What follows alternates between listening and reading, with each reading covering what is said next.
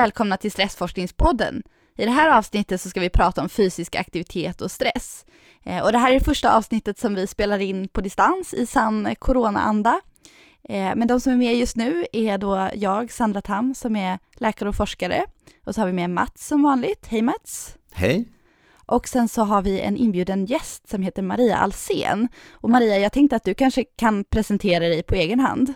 Absolut. Ehm, jag är från början biokemist och sen så har jag doktorerat på Karolinska institutet för lite drygt tio år sedan i ämnet fysiologi. Och så har jag undervisat väldigt mycket i fysiologi på olika högskolor, mest medicinska utbildningar. I, och fysiologi ska jag säga, det är ju läran om den friska människokroppen. Så det är liksom egentligen hur kroppen fungerar. Och jag tillsammans med min kollega Jessica Norrbom har faktiskt även skrivit en lärobok inom ämnet fysiologi. Där vi tar upp lite där, olika speciella saker man kan utsätta kroppen för som fortfarande är liksom friska kan man säga. Och sen så har Jessica och jag också ett eget företag där vi jobbar med att sprida vad forskningen har kommit fram inom området hälsa. Och med fokus då på kost och, och träning och lite grann hälsa överlag. Och där har ju ni faktiskt båda två varit inbjudna till våran podd. Precis. Jajamän. Och pratat. ja. Mm, så det, det är jag. Och du leder träning också, är träningscoach eller vad heter det? Nej?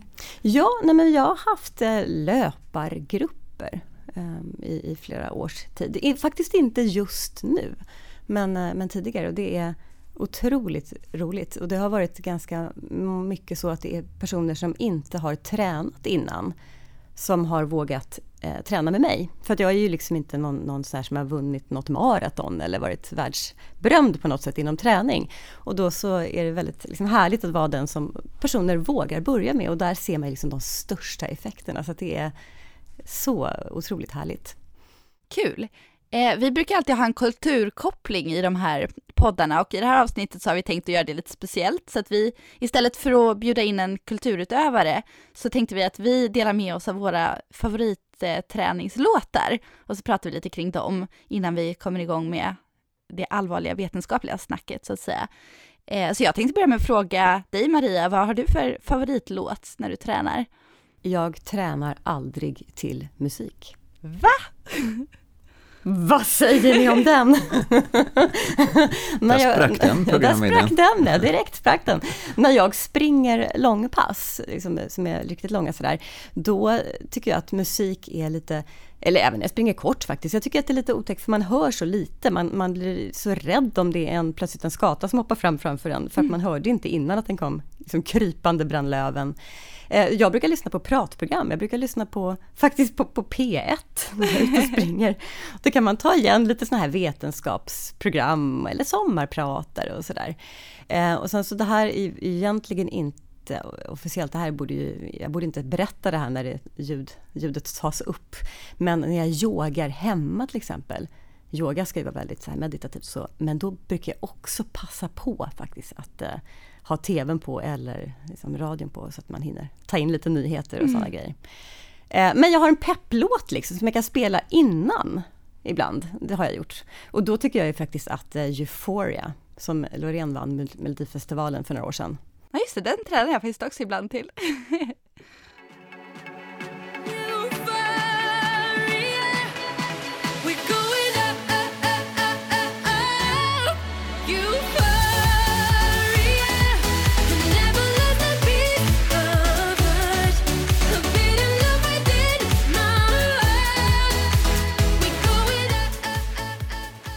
Och du då, Sandra? Eh, jo, men eh, jag funderade lite inför det här avsnittet. Jag, alltså, jag som så, i övrigt är så väldigt, eh, vad ska man säga, picky i min musiksmak. Jag är inte alls det när det kommer till träningsmusik, utan då tycker jag att eh, egentligen så kan jag lyssna till nästan vad som helst. Men eh, en låt som jag har tränat mycket till den här våren har varit den här Avicii-låten Wake Me Up. Ja, den tycker jag också är sån här som man kommer igång av. Eh, vi har ju kört lite träningspass ute i trädgården nu hela våren eftersom vi har varit instängda eftersom jag numera bor i England. Eh, men då har vi, den är en låt som har kommit ganska många gånger där. So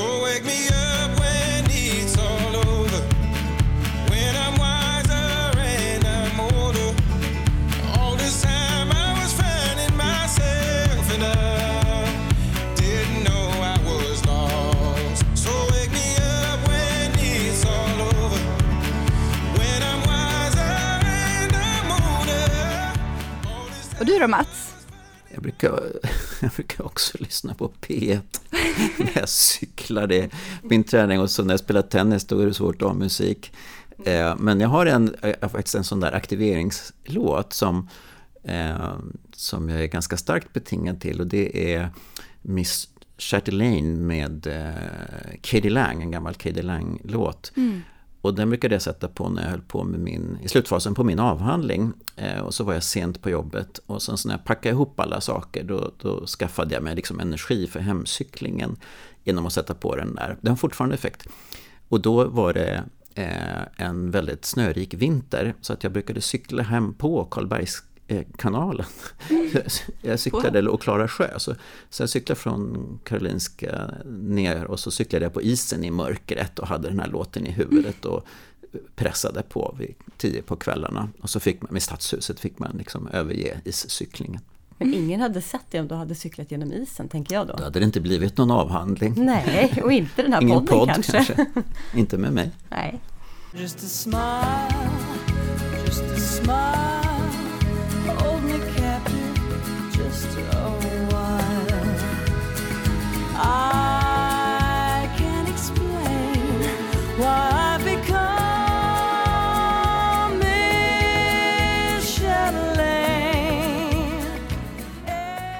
Men eh, jag tänkte så här, det här med musik och träning, har ni egentligen koll på vad det finns för evidens för att det skulle hjälpa? Nu visar det sig att vi är rätt olika med det där, men, men blir man bättre på att träna när man lyssnar på musik? Och kan man träna mer om man lyssnar? Maria, har du koll på hur det där fungerar? Och det finns ju några publikationer som, där man faktiskt har testat sånt här och där man ser att det, det, det blir effekt. Sen så vet inte jag, det, det, är inte liksom kanske mitt specialområde egentligen, men även om jag har då tittat upp det lite grann inför idag, att det finns en del. Så att jag vet inte om det finns någon, någon eh, så här konsensus där man kanske är skeptisk kanske till vissa typer av träning eller så, det har jag inte koll på. Men jag har sett att det, det finns i alla fall vetenskapligt, alltså sån här kollade då, eh, publikationer som är peer review-granskade. Eh, och där tänker jag att det kan ju faktiskt vara så att det påverkar den centrala delen av träningen och muskelstyrka och uthållighet. Alltså, och med central del menar man ju att det är, ja det kan ju ni kanske ännu förklara ännu bättre, men om, man, när man tänker att en, en, muskel är som en, som en, liksom en maskin, eh, så ska den ju dels få input att den ska, alltså ett gasreglage kan man säga, att den ska jobba. Men dessutom så måste ju själva liksom maskineriet orka och då pratar man kanske mer om de perifera delarna. Så att en muskel kan bli trött eh, också liksom i själva muskeln för att den inte hinner bli av med slaggprodukter som då ansamlas in i muskeln och då orkar själva muskeln inte mer. Men om man då blir liksom trött uppifrån, ifrån hjärnan kan man säga, så skickas det ju inte signaler till muskeln och där verkar man kunna påverka med. Eller kan jag tänka mig att det, det är det som musiken påverkar. Så att man helt enkelt pignar till och, och fortsätter jobba. Det borde ju också kunna stämma med det där då att du, du lyssnar på musiken innan du tränar. För att då har du boostat din centrala effekt så att säga.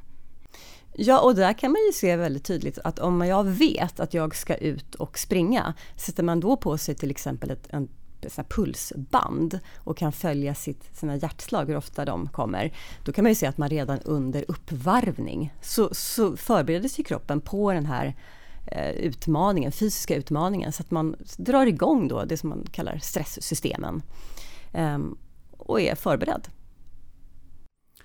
Man vet ju från många situationer att man eh, kan öka eller minska känsligheten för kroppens signaler så att man kanske fortsätter göra någonting fast något gör ont.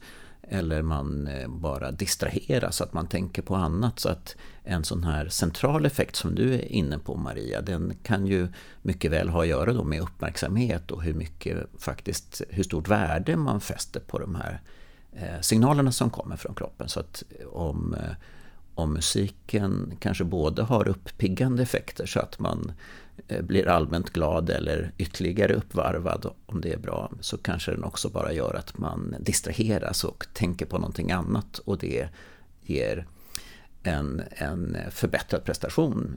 Eller åtminstone att man kan köra hårdare. Mm, precis, och där kan jag också säga så här, jag lyssnar inte bara på P1 när jag är ute och springer. Eh, utan när, när man liksom börjar bli riktigt så här seg efter man har sprungit ett par mil till exempel, då är det ju perfekt att ringa en kompis. Och så brukar jag småprata. Samtidigt som du springer. Ja, Vilket Och- flås du måste ha. Ja, men, men om det är sådana långpass, och de, de är ju kanske, långpassen är ju till för att vänja strukturerna vid långvarigt arbete. Liksom bland annat. Så, så där kan man passa på att gå i uppförsbackar till exempel. Då kan man fortsätta prata. Då gäller det bara att liksom lära energisystemen och, och sånt där. Och då, då är det ju liksom inte någon snabbhet man snackar om, så då är det perfekt. Man kan ringa mamma och syster och kompisar och liksom beta av den där Ja, lilla telefonlistan. Så det är jättebra, det är tips. Ja, Mats, visst hade du pratat med en annan expert på det här ämnet inför det här poddsamtalet om just den här frågan? Jo, jag har pratat med Carl-Johan Sundberg som är professor och fysiolog på Karolinska institutet och expert på fysisk aktivitet.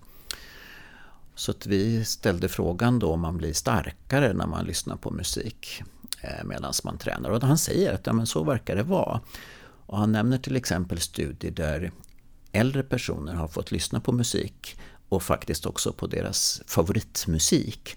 Och så har man samtidigt testat hur starka de är i sitt handgrepp. Och då har man mätt upp större handgreppsstyrka när de har lyssnat den här musiken de gillar. Eh, jämfört med dem om de inte har lyssnat på musik. Så det är nog ett konkret exempel. Han nämner också studier där man har lyssnat på favoritmusik och där man har mätt effekter i hjärnfunktion. Och då tycker man sig ha sett då att man har eh, en aktivering av delar av hjärnan som har med så kallade exekutiva funktioner att göra. Det vill säga sådana som är inblandade i komplexa beteenden och att, att välja beteenden och utföra dem på rätt sätt. Och det har också med uppmärksamhet att göra. Och att man också ser då en sån här en effekt som man tror det har att göra med att man får ett, ett bättre stämningsläge, ett förhöjt stämningsläge. Just det, men som, som sagt, tidigare i podden så har vi ju pratat en del om den fysiologiska stressresponsen eh, och att då vid fysisk ansträngning så krävs en mobilisering av kroppen för att man ska kunna springa fort eller lyfta tungt eller ja, springa ifrån den här tigern som vi har pratat om. Eh, men så har vi ju samtidigt hört att stress, eller att träning ska vara bra för att förebygga stress. Eh, så Maria, det här med träning, är det ett stresspåslag eller vad händer egentligen när man, när man tränar fysiskt? Träning är ju, är ju definitivt ett stresspåslag för, för kroppen, för den eh, ska ju kunna ja, Alltså ibland brukar jag lite så här förenklat, om man, om man eh, har undervisning så brukar jag säga att eh, Eh, om man liksom inte riktigt tänker att hjärnan hör till kroppen, så vet ju musklerna vet ju i alla fall inte riktigt varför de springer. Flyr de från en, en våldsman eller är det en mysig jogg i höstsolen? Det vet ju då inte musklerna som är som liksom maskiner kan man tänka. Så att, så att eh, det är ju samma typer av påslag vi behöver för att musklerna ska kunna hålla på under en längre tid och de behöver energi och de behöver syrgas och de behöver bli av med sina restprodukter.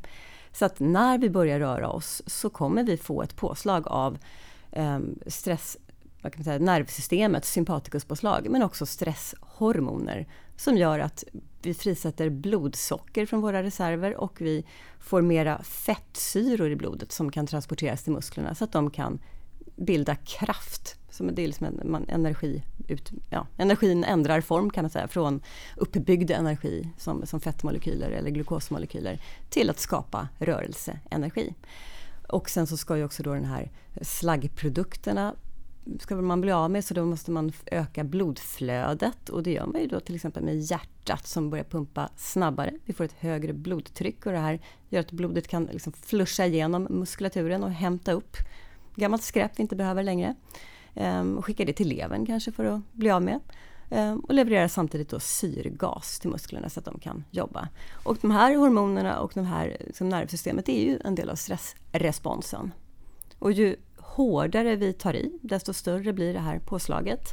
Eller också om vi håller på väldigt länge på en lägre intensitet, så ser vi det här påslaget.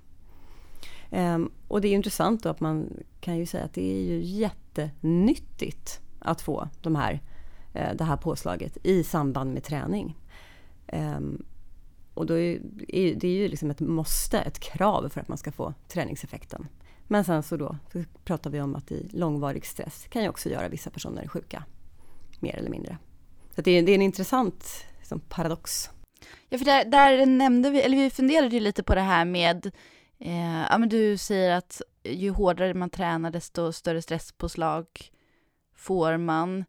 Eh, och sen tidigare i programmet så pratade du om, om hur du gör yoga till, till tv. Så där. Yoga måste ju vara en form av, av träning som inte ger lika stort stresspåslag då, men har den ändå med sig samma typer av hälsoeffekter? Jag har ju faktiskt haft på mig ett pulsband naturligtvis på ett, ett yogapass. Och nu finns det ju, yoga är ju, det är väldigt brett. Man kan ju ha yoga där man sitter och, och väldigt stilla och stretchar och djupandas.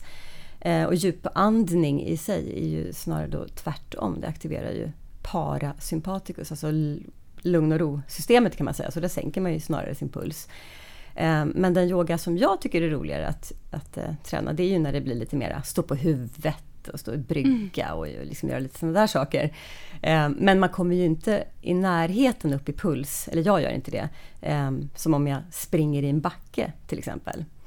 Ehm, men träningseffekterna av yogan, när jag gör den, det, blir ju, det är ju egentligen mera styrketräning. Ehm, och rörlighetsträning och stretch. Och för min del så gör ju det att jag kan ägna mig åt annan träning. Alltså att min, min rygg till exempel håller. Ehm, och att jag får en starkare core-muskulatur. Så att det kanske inte ger mig en, en bra kondition, och ett bra syreupptag. Men Eh, det stärker liksom övriga strukturer så att jag kan ägna mig åt liksom, ja, andra, andra saker helt enkelt. Och om jag i slutet av passet lyckas sitta still och djupandas fint, ja då, då aktiverar det då sannolikt också parasympaticus som sänker puls och, och blodtryck. Och det, det lär ju vara väldigt nyttigt. Och fortsätter det sen efter yogapasset? Vad, vad tar man med sig av att ha eh, aktiverat parasympaticus under yogapassets slut då? Ja, det är ju den stora frågan. Vad gör man sen? Sen springer man hem då?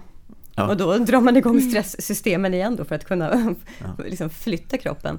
Eh, ja, det, det, det är en bra fråga. Man kanske blir duktigare på att eh, liksom ändå sätta sig ner och djupandas ibland. Man kanske blir mera sån. Men där, där är ju andra duktigare än mig själv. Men så skulle det kunna vara att det är en mm. färdighet man övar upp. Eh, man kanske kan försätta sig i en situation sen när man verkligen behöver det, där man har nytta av den här träningen att, att djupandas och så vidare. Så att man kan ta med sig en färdighet kan man tänka sig. Ja, där det finns inte... det ju faktiskt publikationer. Det är någon, mm. en sån som jag ibland eh, tittar lite i. Mm. Där man har sett att de som har utövat Ehm, och där är det både meditation och repetitiv bön och sån här mantrasång. De som håller på mycket, under väldigt lång tid, kanske uppåt 30 år, mm. har ju, är ju duktigare på det här än de som har hållit på i fyra veckor. Så att, ehm, det finns säkert en övningseffekt. Och förmodligen är det ju ganska bra att kunna ta till någonting sånt om man är upp, i ett uppvarvat läge, tror jag. Men där är spekulation. Ja, kanske spekulation, men det rimmar väldigt väl med annan forskning och behandling som man har hållit på med för att motverka stress eh, i ett mer psykologiskt perspektiv och där man tränar avslappning och då kan man till exempel betinga den här avslappningsresponsen till ett, ett visst stimulus att man tänker sig en röd punkt eller man har någonting annat och då kan man plocka fram det här då vid behov för att få en, en avslappning som då motverkar annan uppvarvning när den är oönskad. Så att jag tror att mycket, om jag förstår det här rätt så är mycket det, det du säger här, det handlar om att träna systemen så att de kan vara effektiva, inte påslagna hela tiden utan man kan ha en färdighet att öka eller minska aktiviteten i, i de här fysiologiska systemen. Mm, och där kan vi faktiskt lägga till också då, om man nu pratar om att man får väldigt höga stressnivåer om man tränar länge eller hårt. De här sjunker ju sen efter mm. avslutad aktivitet. Um, jag tittar just nu framför mig på en, graf från en lärobok där man ser att de här nivåerna av, liksom, vissa nivåer då i alla fall, nere på normal, alltså som man, innan man började, på bara en halvtimme. Och där vet man också att det här går ju fortare om man är mer vältränad.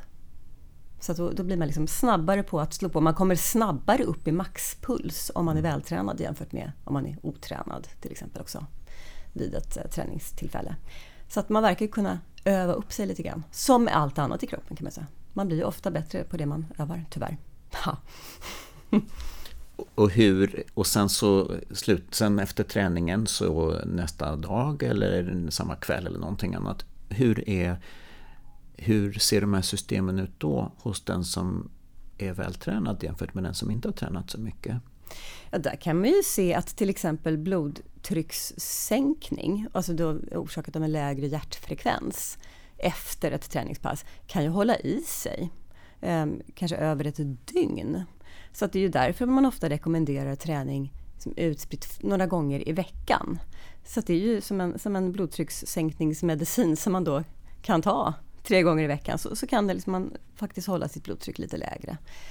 Um, så det, det är ju ett... Eh, jag kan säga så här, träning är ju... Ju mer man läser om det, ju mer man lär sig, desto jobbigare är det ju att välja bort ett träningspass mot att sitta och slöa i soffan. Därför att man inser, det är ju, jag har ännu inte sett att det är dåligt för någonting faktiskt, kan jag eh, tyvärr säga. Även om det är väldigt skönt att slappa liksom, men det är så nyttigt att det är, ja, det borde nästan vara lag på att alla borde vara tvungna att röra sig. Men hur ser det ut där? Jag tänker att du säger att det inte finns några negativa effekter. Måste inte sambandet ändå ha någon slags U-form? Jag tänker folk som elittränar, det är ju en stress, ett stresspåslag som, som blir väldigt hårt under väldigt lång tid. Hur ser det ut med hälsoeffekterna hos sådana personer? Och vet man om det är kopplat då till själva fysiologin? Eller om det är mer konkreta skador eller sådär? Ja, men det finns ju vissa publikationer när man har tittat på, på dödlighet och hur, hur mycket man rör sig i varje vecka. Och eh, där såg man på så nu, nu är det så lite taget från, från minnet så att jag är ja, skjut mig inte om jag, om jag säger lite fel. Men om jag minns rätt nu så, så såg man inget sådant samband med cyklister. Mm. Eh, så man kan säga att, att, dödligheten minskar alltså inte hos de som tränar väldigt mycket. Man får ju inte heller ökade hälsoeffekter ju mer man tränar utan det är en, en kurva som planar av. Så att allra störst effekt får man ju om man går från att vara otränad till att träna någonting och sen så kurvar den här planar kurvan av så att man får inte ökade hälsoeffekter men inte heller ökad dödlighet. Mm. På löpare så såg man sån här att, att det faktiskt var så att om man tränade väldigt mycket så började dödligheten öka lite grann. När man sen gick in och tittade på det, de som, den, här, den här ökade dödligheten hos de som tränade väldigt mycket så kunde man se ett samband att det var oftare sådana personer som hade hjärtsjukdom i släkten. Så att man var rädd för att bli hjärtsjuk och drev sin träning lite för hårt då skulle man kunna spekulera. Och rensade man för det så såg man inte ökad dödlighet där heller. Men man ser ju faktiskt eh, hjärtpåverkan hos eh, löpare. Att man kan ha en ökad risk för hjärtflimmer till exempel om man tränar väldigt mycket löpning. Men det verkar inte påverka liksom, dödligheten i, i sig utan det är kanske någonting man kan leva med. Um, och någonting annat som man ofta är, är rädd för, det är ju det här att man faktiskt dör plötsligt under träning, under lopp och sånt där. Ehm, men när man tittar på i den, liksom, vad, man ser i den litteraturen så är det ofta så också att man har eh, dolda hjärtfel. Så att det var det man dog av och inte liksom ansträngningen i sig. Men utan det, var liksom ut, det utlöste kanske det här dolda hjärtfelet. Ehm, och det ska ju tilläggas att det är väldigt ovanligt.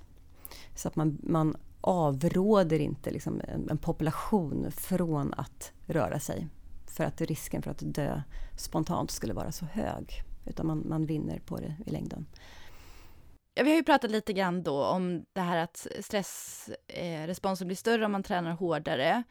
Eh, kan du säga någonting Maria om, om vad som händer ifall man då får den här stressresponsen men inte inte använder den för träning så att man kroppen förbereder sig för att fly från en, antingen en sabeltandad tiger då eller om det är mer en psykologisk stress men man inte får utlopp för den i, i, med träning.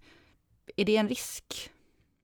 Ja, det här är ju någonting som man känner igen egentligen ganska väl. Jag tänker man kan tänka tillbaka på sin skolgång, man ska hålla föredrag, liksom man står framför eh, klassen och så känner man ju hur, hur, man känner ju hur hjärtat slår både snabbare och jättehårt. Man känner att man kan ju, det är någon som sparkar innanför för liksom, bröstkorgen och, och andningen blir påverkad och man, man blir, kan ju bli röd i ansiktet och röd liksom på, på, på bröstet. Och, och, så att man, man kan ju verkligen känna den här kraftiga stimuleringen av stressreaktionen. Och vad händer då om man står kvar? Det är det som frågan gäller. Man står kvar framför klassen istället för att springa det här loppet till exempel, eller istället för att fly. Eh, och här kanske det finns någon lyssnare som, som är, är jättebra på det här, men jag har själv, alltså den här frågan har jag tänkt på i flera år, eh, och jag har själv inte hittat något riktigt liksom, vettigt eh, som, som säger att det skulle vara liksom, jätteskadligt. Det man vet är att med, med, långvarig stress så påverkas ju fettfördelningen på kroppen till exempel. Man blir mm, lagrar lättare in fett på buken än på övriga kroppen. Men där kan ju inte jag låta bli att tänka mig, och få spekulera lite grann, att det kräver ju också att man äter mer än man gör av med för att man ska kunna lagra in fett oavsett var på kroppen. Men, men då kanske på buken om man är stressad. Så, så att jag menar, då kanske den där stora hälsorisken också ligger lite grann i att man äter mer än man borde och går upp i vikt. Um, och sen så ska man inte heller glömma bort att vi har ju system som reglerar det mesta i vår kropp så länge vi är friska. Så om vi då säger att man får ett förhöjt blodsocker av stressreaktionen, vilket vi ju vill ha, så har vi ju celler som kommer konsumera de här glukosmolekylerna i blodet. Men vi har ju också, om det skulle bli jättehögt på något sätt, um, insulin, ett annat hormon som, som sänker blodsockret. Uh, och alla hormoner i kroppen står ju under en ehm, väldigt reglerad process. Så att det, det är ju, i friska förhållanden så får vi inte såna här galna nivåer av någonting som skulle kunna orsaka att vi blir sjuka. Utan blir någonting för högt så kommer det sänkas på olika sätt. Det finns ju till exempel något som heter feedbackhämning. Så om något hormon blir för högt så kommer man på, på olika nivåer i kroppen att se till att det hormonet inte liksom frisätts på ett tag så att nivåerna blir normala. Så vi har ju väldigt mycket kontroller. Ehm, men, men det är ju det här kanske risken för under långvarig stress, kanske blodtrycket kan jag se alltså, som en viss risk. Och också det här med bukfettman då, men då kanske det också hänger ihop med ätandet. Ni, hur, hur, ser ni själva på det här? Om jag tolkar dig så måste inte slitaget på kroppen, om man får uttrycka det så, vara väldigt stort om man inte så att säga konsumerar upp den här extra tillgjorda energin. När man har hållit ett föredrag till exempel så har man en aktivering med det här, du nämner att hjärtat slår väldigt mycket. Och man kan tänka sig då att då har man då energinivåer som är ur något perspektiv onödigt höga, det vill säga musklerna behöver inte all den här energin. Men man har då ett, flera reglersystem, eller man har reglersystem då som gör att det här normaliseras då. Ja, och, och sen är det ju så att jag menar, kroppens celler omsätter ju hela tiden energi också. Ja. Så att de kommer ju liksom äta upp det. Och, och jag tänker också att man ska minnas att om man då håller det här föredraget, då har man nytta av den här utvecklingsmässigt gamla reaktionen vi har av att eh, Eh, öka aktiviteten i kroppen när vi blir utmanade på något sätt. Även vad det gäller hjärnans funktion. Och även om då musklerna, eh, utom de stora musklerna åtminstone inte har så mycket nytta av det här så har vi nytta av att eh, inse att någonting är viktigt och då koncentrera oss och rikta uppmärksamhet mot någonting, att skärpa sig.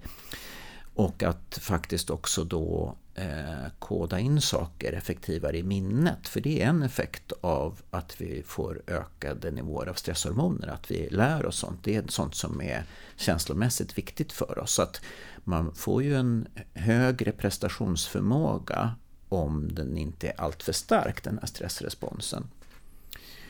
Och om man har system som har utvecklats för att hjälpa oss när vi utmanas eller befinner oss i fara, då vore det väldigt konstigt om de skulle vara optimala vid varje tillfälle. Nej, men precis. Det, det, är ju specialtillfällen liksom, i ja, tanken. Precis. Så vid föredraget så har man nytta av det på, av stressresponsen i ett perspektiv, men kanske inte i hela kroppen. Den är inte perfekt avpassad på det sättet. Mm. Och jag tycker det är en otroligt skön känsla att den här responsen finns, måste jag säga. För om det är någonting man ska göra som gör att man är så nervös att man kanske till och med sover dåligt, eller det känns som att man inte sover någonting innan den här grejen man ska göra, om det nu är ett föredrag eller ett solo eller, eller någonting. Den här stressreaktionen, det gör ju att man faktiskt klarar av det ändå. Man orkar ju ställa sig upp, man orkar göra det här och jag tycker det är en, en jättetrygghet att veta att vi har den här superkraften, superreserven att ta till. Men vet man någonting fysiologiskt om då vad som händer med själva hormonnivåerna om man använder dem eller inte så att säga? Om man står där eh, och håller föredraget och inte... Och in, för att stressresponsen syftar ju till att bland annat höja blodsockret och om vi då inte tränar eh, eller kanske inte ens håller ett föredrag utan bara sitter still och gör ingenting. Håller stressresponsen i sig lika länge då som om vi faktiskt använder den och, och springer vårt maraton? Eller finns det en skillnad där? Det kan jag faktiskt inte svara på, det vet jag inte. Men det, man, det, det, det jag vet, det är ju att eh, såna här viktiga hormoner som till exempel höjer blodsocker och sådär, de finns ju inte kvar hur länge som helst oavsett. Eh, utan man brukar prata om att ämnen har en viss halveringstid. Så efter, efter den här halveringstiden så finns det bara hälften av mängden kvar. Um, och, och, vissa ämnen som frisätts är ju, har ju väldigt kort halveringstid. Det finns ju vissa hormoner som har sex minuter som halveringstid. Och jag satt i faktiskt igår och försökte hitta kortisol som är det där ena stresshormonets halveringstid. Ja, jag hittade lite olika faktiskt mellan någon timme och uppåt tre timmar. Så att eh, det kan man ju säga att det kommer ju klinga av oavsett. Um, men huruvida det går fortare om man börjar springa, eh, det vet jag inte. För i och för sig så kan man ju, om jag får fortsätta spekulera, jag tänker samtidigt som jag pratar. Om man då börjar springa, då kommer vi få ett ännu större stresspåslag kanske. Så att då kommer de här öka av det. Så att, eh, jag vet inte riktigt hur man, skulle, hur man skulle studera det faktiskt, när jag tänker på det. Hur, hur man skulle designa den studien. Jätteintressant perspektiv och vi, vi, vet ju då vid en kortvarig stressor så, så återgår ju de här nivåerna relativt snabbt då till vad de var från början. Och, och jag tänker att, att de här systemen är ju till för att vi ska då eh, klara utmaningar och det ska de göra genom att variera väldigt mycket. Så variationen i sig är ju faktiskt ett hälsotecken. De behöver inte vara så höga när de inte behövs men sen ska de kunna dra, eh, öka i väldigt hög grad. Om jag förstår det rätt så har vi då större elasticitet i de här systemen om vi är vältränade. Det vill säga vi kan dra på som 17 när vi behöver det men vi kan också ha låga nivåer när vi inte behöver det och vi kan stänga av dem snabbt. Mm, precis. Eh, och det ska man också komma ihåg att kroppen vill ju strävar ju efter att spara energi. Och det vore ju liksom i ett fysiologiskt friskt tillstånd väldigt onödigt att både bilda de här ämnena i onödan, alltså hormonerna, men, men också att liksom dra igång de här stresssystemen i onödan. Så det, det, vill man ju inte alls, utan vi vill ju alltid hålla liksom så låg energi vi, vi kan för att spara ifall det blir svält imorgon. Så vi är lite inställda på kortsiktig överlevnad, överlevnad skulle jag säga. Ja men toppen Maria, det där låter ju klokt. Eh, Mats, visst var det så att du pratade med Karl-Johan lite grann om det här med att hålla stressresponsen i form också? Det är ungefär det vi har pratat om, men jag tänkte att han band ihop det så fint. Ja, för då kommer vi in igen på frågan då om man kan eh, motverka sin känslighet för olika typer av stressorer genom fysisk aktivitet och att man faktiskt håller stressresponsen i god form. Och då svarade Carl-Johan Sundberg då eh, på den frågan med att säga så att det, det, verkar verkligen vara så att alltså vi kan hålla stressresponsen i god form med hjälp av fysisk aktivitet. Och han säger att vältränade personer har ett lägre fysiologiskt eh, stresspåslag, till exempel i det här parasympatikussystemet som vi pratade om, men också det som heter katekolaminer och kortisol, om vi mäter det, när de är i vila så att man har lite lägre grundaktivering. Eh, men de har också en bättre förmåga att, att dra på en ordentlig frisättning när det verkligen behövs. Och då är, har han exemplet just vid maximal ansträngning. Det vill säga man har en hög arbetsbelastning och behöver eh, engagera musklerna och, och så vidare. En annan sak som vi tänkte göra i det här programmet är att vi tänkte prata med Lina Martinsson som är eh, verksamhetschef på Psykiatri Sydväst där jag jobbar och också själv överläkare i psykiatri och drivande i det projektet som kallas för braining, alltså där man inför eh, träning som en del av behandlingen på våra psykiatriska patienter. För jag tror att, att eh, det har ändå varit mer känt sedan länge att det är bra med träning i förebyggande syfte och även Eh, på vårdcentralerna så finns det rekommendationer att deprimerade patienter ska motiveras till att gå ut och ta promenader och röra på sig och sådär. Men just det här med träning inom slutenvårdspsykiatrin är ju någonting annorlunda. Så jag tänkte att jag skulle ringa upp Lina och fråga lite kring det här. Eh, vad tror ni om det? Utmärkt idé. Väldigt spännande att höra. Ja, hej Lina! Du är ju verksamhetschef på Psykiatri Sydväst som är en psykiatrisk klinik i Stockholm. Och dessutom är du överläkare i psykiatri och även medicinedoktor vid Karolinska Institutet. Eh, och du har ju bland andra sedan flera år tillbaka drivit ett projekt som handlar om att få in fysisk aktivitet som behandling inom psykiatrin. Eh, skulle inte du kunna berätta lite om vad det finns för evidens för att träning fungerar som behandlingsmetod vid psykiatriska sjukdomar, som till exempel depression? Ja, tack för att jag får vara med och tack för frågan. Eh, jag brinner verkligen för det här ämnet och man kan säga väldigt sammanfattande att det finns stark evidens för fysisk aktivitet som eh, Eh, tilläggsbehandling vid olika typer av sjukdomar. Och det är ju till och med så att det ibland i vissa fall är så stark evidens för att fysisk aktivitet eh, har så goda effekter i, i kroppens organ så att det till och med skulle kunna vara en egen behandling utan någon annan eh, samtidig behandling.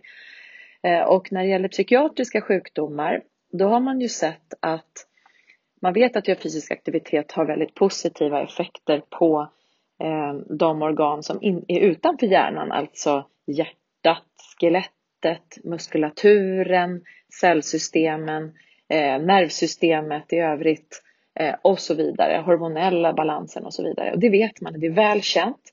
Eh, och effekterna på hjärnan som organ och centrala nervsystemet eh, där de psykiatriska sjukdomarna ju eh, har sitt ursprung eller, ska säga, eller har sin boning. Eh, där finns det också effekter men de glömmer man ofta bort. Så att evidensen finns eh, för att fysisk aktivitet har goda effekter som både då eh, påverkar pågående psykiatrisk sjukdom och symptom vid psykiatriska sjukdomar. Eh, men också faktiskt verkar skydda eller ha, ehm, ja, det, det korrelerar till att det skyddar även mot att insjukna. Som att en slags inom citationstecken vaccination mot att bli sjuk i psykisk sjukdom. Ehm, och eh, frågan är egentligen inte om det finns bevis för att fysisk aktivitet har de effekterna utan det kluriga har varit att tillämpa den evidens som finns som har, har samlats under många årtionden tillbaka. Eh, och sen har det ju skett, eh, som är glädjande, en stor svängning i intresse från att man har viftat bort det här och tyckt att det har varit banalt och ointressant eh, så har man börjat fokusera på den evidensen som är ganska mångårig då och robust. Och det har blivit mycket stor aktivitet i media, till exempel genom Anders Hansen och andra människors arbete kring att föra fram den här evidensen som redan finns.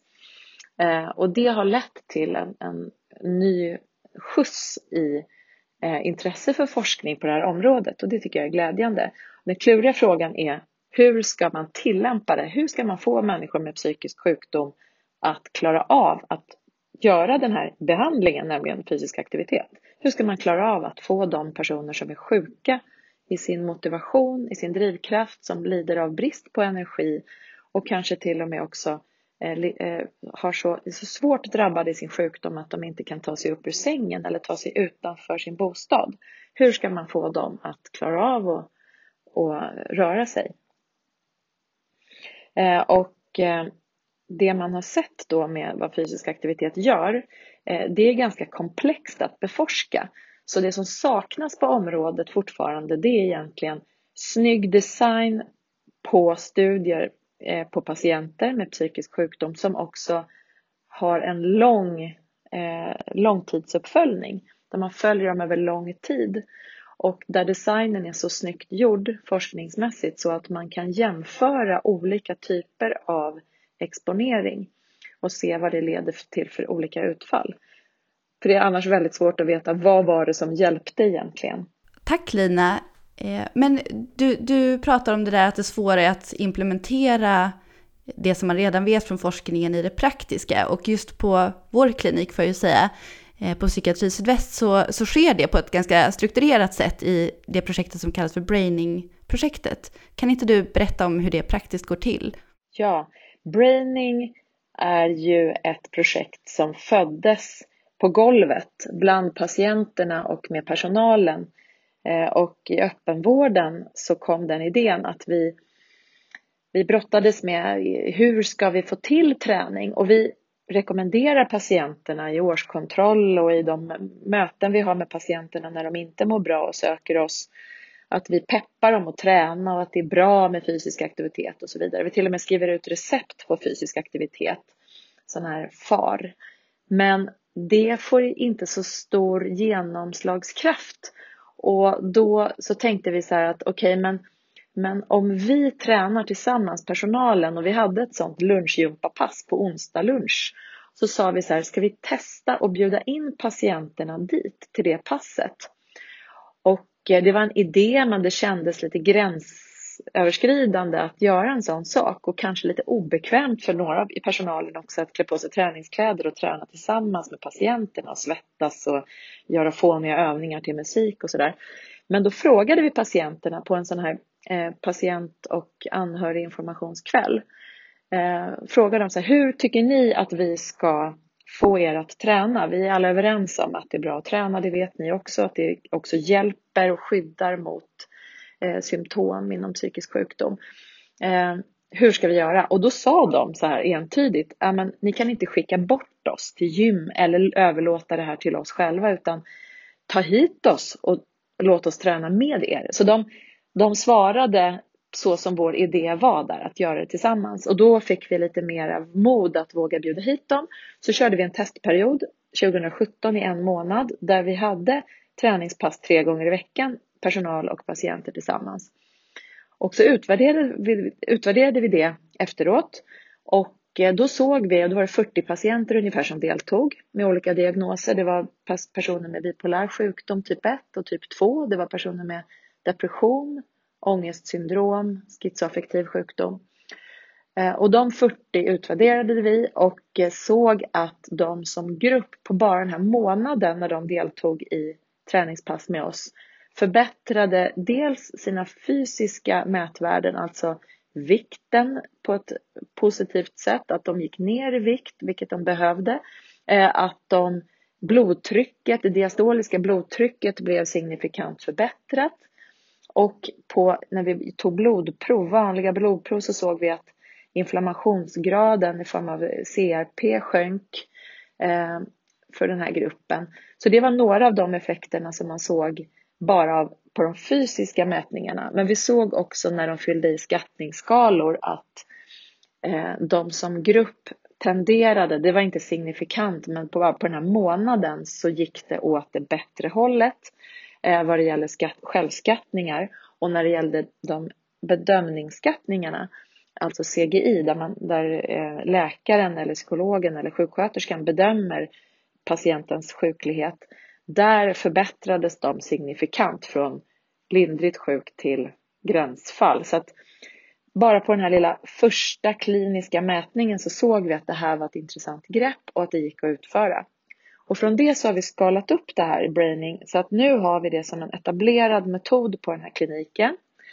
500 patienter har hittills medverkat. Vi har skalat upp det så att personal som inte alls är gymutbildade eller någonting sånt eller sportfånar i vanliga fall utan det är helt vanlig sjukvårdspersonal. De lär sig på ett enkelt sätt att leda motionspass som vi kör tillsammans med patienterna. Och eh, varje dag finns det sådana pass att gå på inomhus och utomhus och i, till och med i simbassängen här på huset så har vi vattengympa. Och även inne på vårdavdelningarna så körs det träningspass på samma sätt i den här braining-andan. Och det är väldigt inkluderande, det ska vara väldigt enkelt, vem som helst ska kunna vara med. Man ska bli svettig, komma upp i puls ordentligt så att man ligger på kanske 70 procent av sin maxpuls. Det är ganska tuff Alltså träningsmässigt så är det en tuff eh, belastningsgrad. Men kanske 30 till 45 minuter per gång och det ska vara väldigt, väldigt enkelt att utföra. Eh, och tanken är då att för att det ska kännas tryggt så får man först en liten en liten avstämning en och en med personalen. Så att personalen vet att man är i form att vara med, att man inte är för sjuk fysiskt eller psykiskt. Eh, och att man kan delta i gruppverksamhet till att börja med, att det är säkert. Och sen så får man också lite pepp och eh, motiverande samtal och validering att man har bestämt sig för att vara med på träningspasset. Så det gör vi innan varje träningspass. Och sen efteråt eh, så blir det väldigt mycket så här eh, att man ser till att patienterna känner sig trygga och ryggdunk, att man tackar så mycket för att man var med. Så den lilla proceduren har vi då som en inramning på själva fysiska aktiviteten.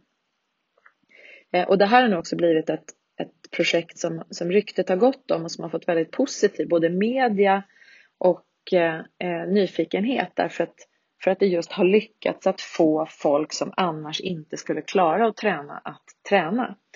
Och det har lett till att vi nu har, eh, skapat en doktorandtjänst på CPF, Centrum för psykiatrisk eh, forskning, eh, på KI, där vi tillsammans med professor Carl-Johan Sundberg som är en ledarfigur inom Sverige för fysisk aktivitet och forskning om fysisk aktivitet. Vi har tillsammans skapat det här projektet och en överläkare som heter Åsa Anger hos oss som har varit med och tagit fram den här och jobbat fram den här modellen här på Psykiatri Sydväst. Hon är doktorand. Eh, och sen har vi också en annan bihandledare från CPF som heter Sigrid Salomonsson som är psykolog och eh, är chef på CPF och duktig på att ta fram nya metoder. Och vi har då bestämt oss för att utvärdera braining som metod, den här förpackningen av fysisk aktivitet. Är det kanske ett koncept som funkar extra bra just i psykiatrin?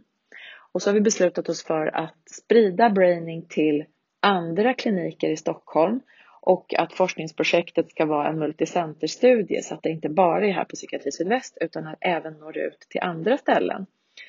Eh, och för att just braining som förpackning av att få in träningsbehandling som tillägg i psykiatrin, eh, Eh, det behöver ju utvärderas vetenskapligt. Eh, och det, det, kan ju enbart göras om man också provar det på olika ställen och sen eh, ser att det inte är personbundet och bygger på eldsjälar utan att det verkligen går att sprida vidare. Och då ska vi också forska på den implementeringsprocessen samtidigt och se hur, hur det går till att sprida det här. Så det känns jätteroligt. Så braining då som är liksom ett ord som leker med den här, att man tränar med syfte att få effekt på hjärnan, the brain. Eh, det känns som ett roligt koncept eh, och som ett tryggt koncept för patienter och även personal faktiskt att, att få sin träning utförd. Ja, toppen. Jag har ju aldrig lyckats masa mig iväg till de där träningspassen själv, än så länge, men jag ska. um, Jag tänkte fråga också det här med, eh, man vet ju generellt sett att vid depression att det är bra att komma igång och göra saker och beteendeaktivering generellt sett är ju någonting som används som behandling. Eh, vet man någonting om, om vad som är den drivande mekanismen just när man använder fysisk aktivitet i behandlingen utöver det här att man bara aktiveras allmänt? Det är en jättebra fråga därför att det är det som är den springande punkten här. Vad är det som egentligen har effekten. Och där, om man bryter ner det i tidigare gjorda studier, eh, och det finns ju en eh, sammanfattande stor eh, artikel om detta som heter eh, PAG som kom, in, kom ut 2018 som väldigt mycket sammanfattar forskningsläget på alla organ i kroppen egentligen när det gäller eh, fysisk aktivitet. Och då kan man konstatera att när man bryter ner det och tittar på vad det verkligen är som ger effekt så verkar det vara just den här pulshöjande träningen där man kommer upp ordentligt i blodtryck och i puls och i blodcirkulation då i kroppen.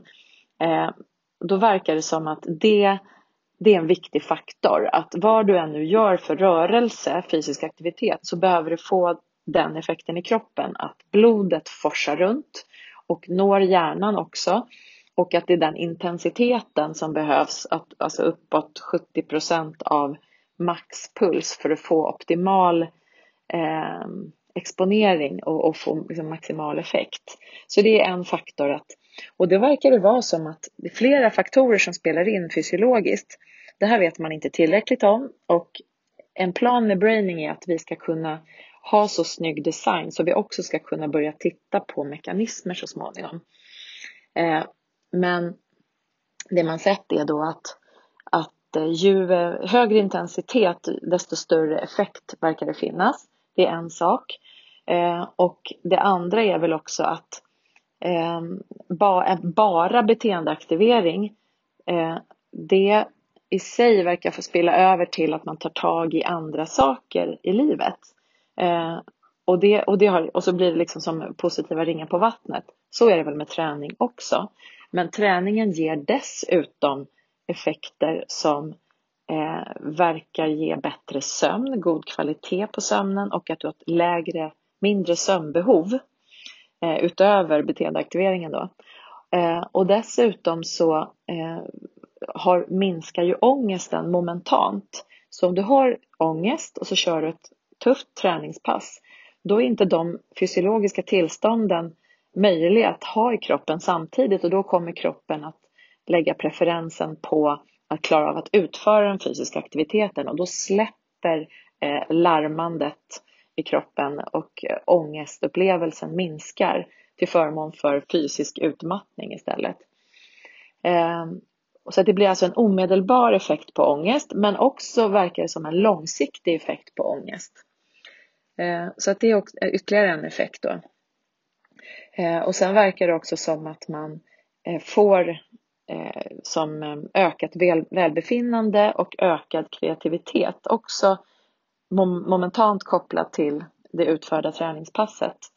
Eh, och alla de här sakerna som är små, små pusselbitar och det finns ytterligare effekter som, som kan ha en påverkan som är större än bara beteendeaktiveringen då alla de här små pusselbitarna tillsammans gör ju att man får som en kaskad av effekter som motverkar sjukdomen. Och det intressanta då som brukar lyftas fram när det gäller prat om träning som behandlingsform vid psykisk sjukdom är ju att en, en medicin, en tablett oftast har en effekt medan den fysiska aktiviteten sätter igång flertalet av de här effekterna samtidigt så att det är som en sån här dirty drug effekt Eh, vilket är rätt coolt att tänka på. Tack, det där är jättespännande och det återknyter lite till något som vi pratade om tidigare i podden med Maria Alsen och eh, även Carl-Johan Sundberg var ju med där på ett hörn om eh, just skillnaden mellan, eller skillnaden och likheterna mellan fysisk aktivitet som träning och den fysiologiska stressresponsen och just hur det kopplar in till, till ångest. Eh, så att jag tycker att det passar superbra i, i sammanhanget också. Eh, jag tänkte bara avsluta med att fråga en helt annan sak, för du nämnde det här med kreativiteten och Stressforskningspodden har ju, eh, som kanske inte du vet, men haft en eh, kulturkoppling i varje avsnitt, så att vi har diskuterat olika ämnen utifrån en, en eh, kulturyttring på ett eller annat sätt. Och eh, just i det här avsnittet så pratade vi lite tidigare om hur det är att träna till olika typer av musik och om musik kan hjälpa till att stärka träningsprestationen och sådär. Eh, så att jag tänkte bara höra om du har någon favoritträningslåt som du eh, vill lägga till i vår eh, spellista som kommer läggas ut för att peppa folk att springa Mental Health Run. Ja, det har jag. Världens bästa låt, det är Come On med The Hives. Den är bara en minut och åtta sekunder lång. Och den eh, texten går ju ut på bara liksom come on, come on, come on, come on. Och sen är den en otrolig så här energikick och det går inte att tröttna på den nästan. Den är ju sån eh, bra liksom litet stycke musik så den är grym. Så bra pepplåt. Superhärligt, vad bra. Eh, för i så fall så skulle jag bara vilja tacka dig Lina för att du var med i podden och eh, så ska vi prata vidare med Mats och Maria.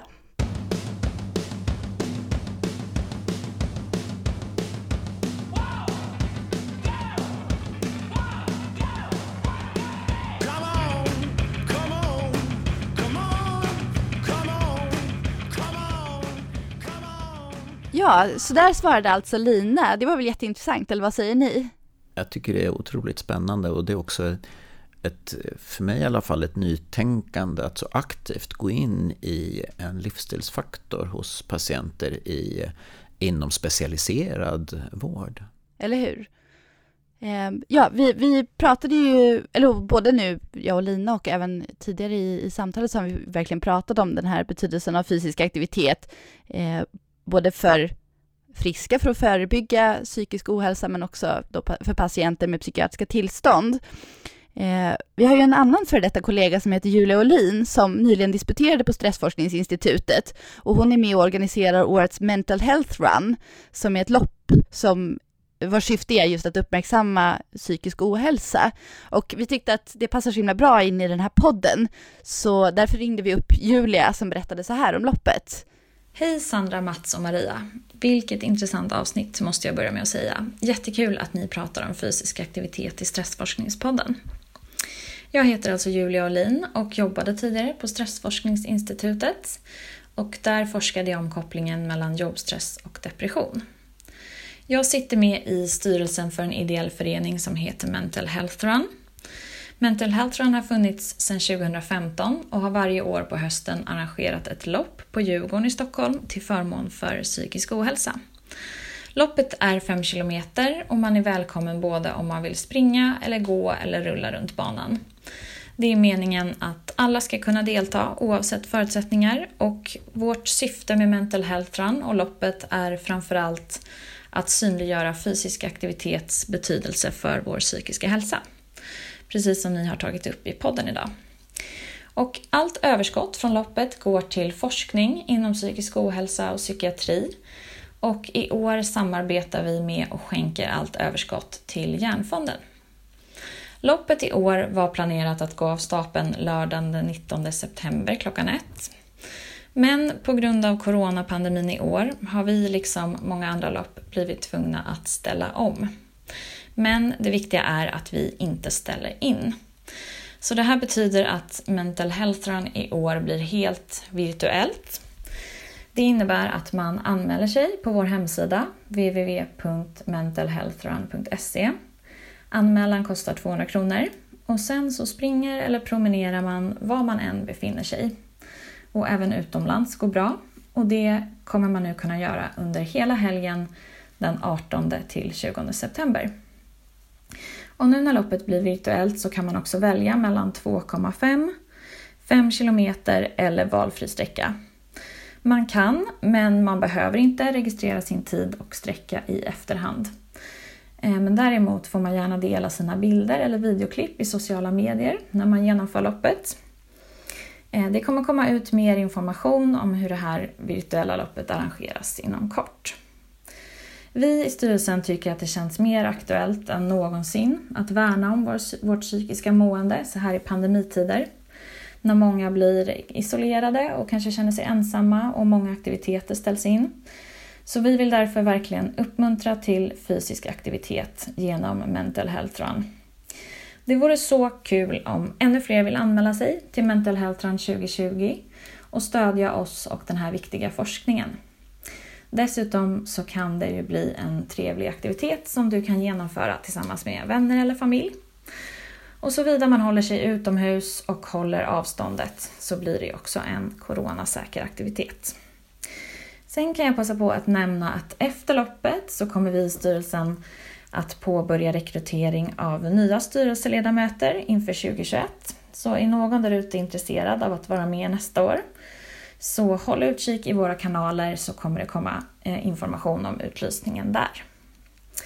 Så varmt välkomna att anmäla er till Mental Health Run 2020s virtuella lopp på mentalhealthrun.se. Och besök och följ oss gärna på Instagram och Facebook. Hoppas verkligen att ni vill vara med. Tack och hejdå! Ja, nu blev nästan jag lite sugen på att springa det där loppet också. Eh, och nu särskilt som man kan göra det digitalt så kan jag göra det även om jag kommer vara tillbaks till, till England när det går. Eh, Julia nämnde ju att eh, man kan ta sig fram på olika sätt i det här loppet, att man måste inte springa. Eh, Maria, spelar det någon roll egentligen hur man, hur man gör en, ett lopp på det här sättet? Är det bättre för hälsan att springa eller gå eller? Ja, alltså tittar man eh, energimässigt så är det ju faktiskt ganska likt. Att flytta sin kropp, om man säger att man väger 70 kilo, så kostar det ungefär lika mycket att flytta den här kroppen energimässigt då, antal kalorier, 5 kilometer oavsett hur man gör det, man springer eller, eller går. Eh, tittar man på hälsoeffekterna eh, av att göra saker med liksom låg intensitet, som att gå mot att springa snabbare, så kan man säga att det är eh, för till att börja med jättebra att ta sig runt 5 kilometer. Det, det är alltid bra. Men om man alltid bara går, då kommer man inte få igång de här stresssystemen på samma sätt. Man kommer inte stärka kroppen på samma sätt. Hjärtat får inte slå lika hårt. Och man får en betydligt bättre kondition om man faktiskt tar i och blir riktigt trött och andfådd och och pressar sig. Och får man en, en bättre kondition, då blir ju övriga belastningar i vardagen inte alls lika jobbiga. Um, om jag säger att jag, att jag ska dammsuga hemma, om jag är väldigt, väldigt otränad, då kommer ju det ske på en väldigt hög belastning och, och vara ganska kämpigt. Men om jag istället har en, en god kondition och är stark, då blir ju dammsugningen liksom väldigt lätt och är ingen större belastning för oss. Så att en, en god kondition är bra, så att därför skulle jag nog säga att det är faktiskt bättre att träna upp sig och, och springa de där fem kilometerna på, så snabbt man kan kanske. Det kan ju vara en liten spännande utmaning. Men det är absolut bättre att gå dem än att inte göra, inte göra någonting alls. Och det här ser man ju faktiskt också i de här hälsorekommendationerna som Världshälsoorganisationen och som vi också har i Sverige. Ehm, att där är ju, lyder rekommendationen att man ska ha hög puls, alltså träna 150 minuter i veckan. Och det kan man ju tycka låter lite mycket, sådär 150 minuter, det är ju över två timmar på en vecka. Men det glädjande beskedet är att om man tar i och tränar hårt, då kommer man undan med 75 minuter per vecka. Så där ser man liksom att hälsoeffekterna om man har, kör, tränar på en högre intensitet eh, blir kanske då lite mer jämförbara. Eh, Så man kan spara tid. man spar tid, exakt. Men de här 150 minuterna, det är väl också med hög puls och, och som så kraftig aktivering så att man blir svettig? Ja, precis. Det, där gäller inte att gå. Nej. Utan då är det mera vardagsrörelse. Då hamnar inte det under, på motionskontot. Men om du småjoggar till exempel och blir svettig och lite andfådd. Då är det 150 minuter. Men om du kör, kör intervaller kanske. Så, så att du inte kan prata och verkligen tar i. Då börjar vi prata kortare tid. Ger samma effekt. För ungdomar, hur, hur är rekommendationerna där? Ja, för barn och ungdomar så, så brukar man ju faktiskt säga det, det dubbla. Även om det kanske har lite lägre evidens har jag förstått, de rekommendationerna. Men det är någonting man ändå säger. Så att de ska röra sig väldigt mycket. Spännande. Eh, Jag tror att det var ungefär det här vi tänkte prata om. Har vi glömt någon punkt? Nej då. Vi har täckt rubbet. För i så fall så tänkte jag att vi skulle tacka dig Maria för att du kom och var med i vår podd. Och vi vill såklart också tacka Lina och Karl-Johan och Julia som kom med sina inslag här. Och såklart tack till dig Mats också. Då tackar jag så hemskt mycket för att jag fick vara med och jag kanske också talar för de andra då. Jag tror att vi alla var väldigt tacksamma över att få vara med i er fina podd.